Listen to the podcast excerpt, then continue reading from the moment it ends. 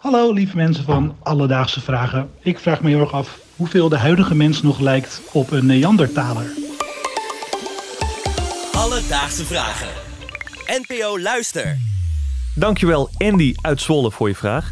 Rosa, wat voor beeld heb jij bij de Neandertaler? Een Neandertaler, dan denk ik aan een hele grote man met donkere wenkbrauwen, ogen diep in de kassen, die een beetje voorover gebogen staat met een grote knuppel in zijn hand. Oké, behoorlijk primitief dus. Ja, heel primitief, ja. Nou, ik wil de aflevering eventjes beginnen met een eh, rectificering, om het zo te zeggen. Oh, oké. Want tijdens de voorbereiding kwam ik erachter dat ja, de Neandertaler eigenlijk jarenlang onterecht is afgebeeld als een soort van primitieveling. Oh nee. Bijvoorbeeld vorige week werd nog bekend dat ze al in groepen jaagden. Dat ze dat al heel goed deden.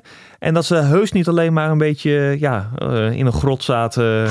Beetje dom aan het doen waren. Precies. Oké. Dus ja, dat moest ik Ja, eventjes... heel eh, goed dat je dat even zegt. Dan had ik dan gelijk dat beeld uit mijn hoofd. Terug naar de vraag van Andy. En eventjes een disclaimer. In deze aflevering gaan we het vooral hebben over hoe de moderne mens genetisch op de Neandertaler lijkt. Want als je naar uiterlijk kijkt, ja, dan zijn we redelijk snel klaar. Dan zie je dat er een behoorlijk verschil is tussen de Neandertaler en de moderne mens.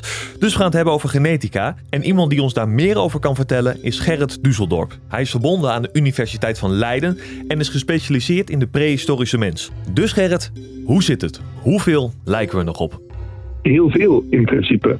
Dus je hebt al eh, 99 of 98 procent eh, hetzelfde DNA als een chimpansee. En je lijkt dus nog meer op een Neandertaler dan op een chimpansee. Maar het interessante is dat de overeenkomsten in, in het DNA van onszelf en Neandertalers komen niet alleen doordat we een gezamenlijke voorouder hebben, maar, maar ook doordat Neandertalers het met moderne mensen gedaan hebben en samen kinderen hebben gekregen. En dus je deelt 2% van je DNA met Neandertalers door een Neandertaler voorouder.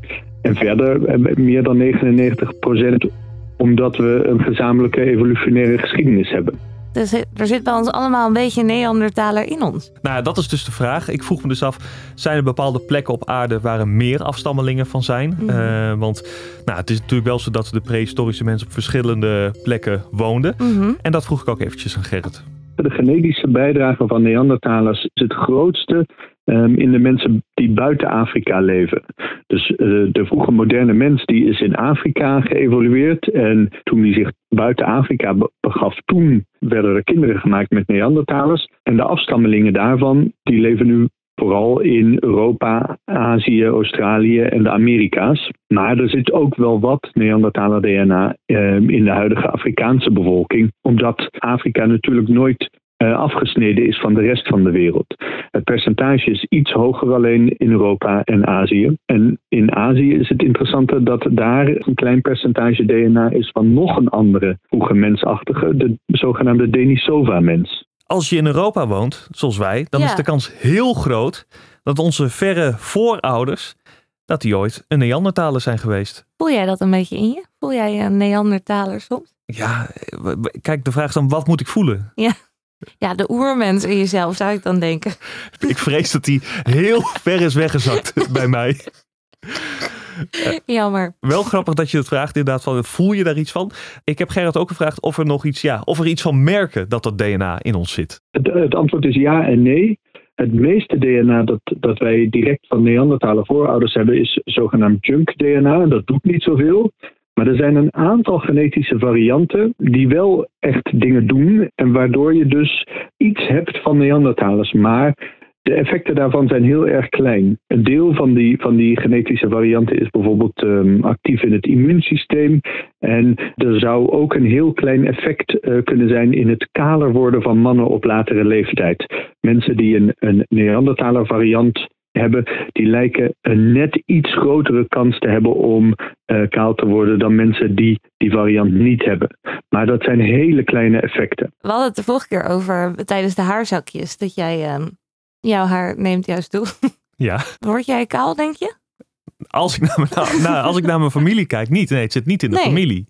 Dus in die zin, ja, misschien toch niet. Misschien was, Nee. was mijn, waren mijn voorouders een van de uitzonderingen die het niet met Neandertalers deden. Wat ik nog wel eventjes wil toevoegen is, in de coronatijd was er een onderzoek dat uitwees dat mensen die Neandertaler gen in hun DNA hadden, een grotere kans hadden om ergens ziek te worden door het coronavirus. Dus in die zin. Ja, ik heb ook wel eens gehoord dat als je nog de Neandertaler gen hebt, dat je dan een grotere kans hebt om hooikort te krijgen. Ja, er zijn toch nog wel een paar onopgeloste zaken wat dat betreft. Precies. Alledaagse vragen. En daar wil ik nu eventjes naartoe gaan. Want ik heb namelijk ooit gehoord dat mannen met een rode baard ook sowieso het Neandertaler DNA hebben. Dat ben jij. En dat ben ik. Ik heb inderdaad een rode baard. Dus tijdens mijn interview met Gerrit zag ik de kans gewoon om eindelijk dit mysterie op te lossen. Want vroeger was het altijd van, ah, Aaron, rode baard, jij bent Neandertaler. Nou, Gerrit, hoe zit dat? Ik heb dat ook wel eens gehoord. Er zijn stukjes Neandertaler DNA die actief zijn in de pigme- pigmentatie. Maar voor zover ik het DNA-bewijs goed begrijp, kun je dat niet zomaar één op één koppelen aan rood haar of een rode baard of weet ik veel wat. Zie je wel.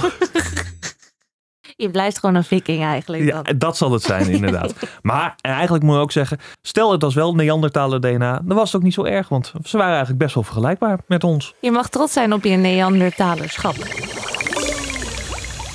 Dus, Andy, om antwoord te geven op je vraag, hoe erg lijkt de moderne mens nog op een Neandertaler?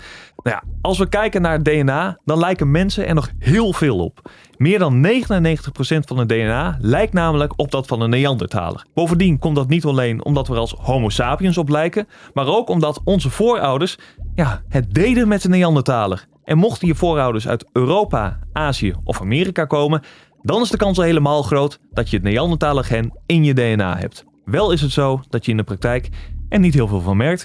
Heb jij ook een vraag? Stuur ons dan een berichtje op Instagram. Dat is Alledaagse Vragen. Of je kan een mailtje sturen naar alledaagsvragen.bnnvara.nl en dan zoek ik het voor je uit.